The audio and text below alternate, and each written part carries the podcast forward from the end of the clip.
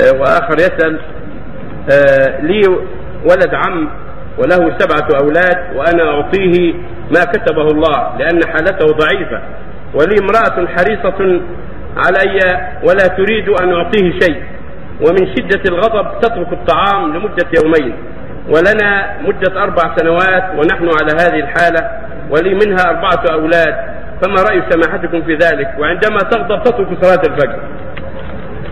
هذا شيء عجيب لا حول ولا قوة إلا بالله. هذا غريب جدا. تمنعه من الصدقة. وتخلي الصلاة لاجل ذلك وتخلي الطعام تمنع الطعام لأجل ذلك؟ حول هذه حالة سيئة.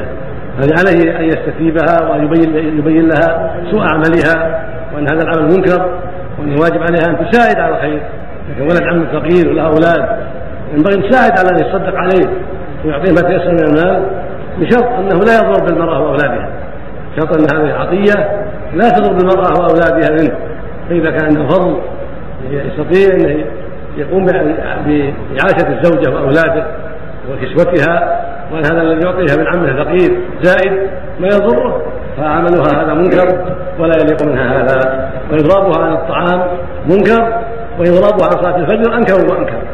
فالواجب أن يفاقدها بالتي احسن وأن يبصرها عيبها ويبين لها خطأها وإذا كان لها والد جيد أو أو أخ جيد أو عم جيد يخبره حتى ينصحها وحتى يبلغها سوء عملها.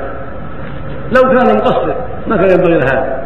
فكيف إذا كان عنده ما يسد الحاجة ويفضل حتى يساعد ابن عمه الفقير؟ على كل حال هذه اخطات خطا كبيرا.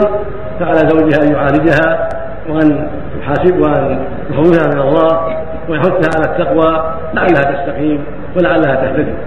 هذا شيء منكر لا يجوز البقاء عليه.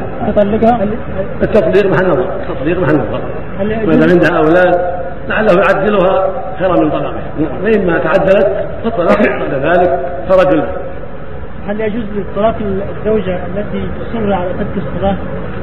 يجب أن تطلق مو بس يجب. لأن ترك الصلاة كفر.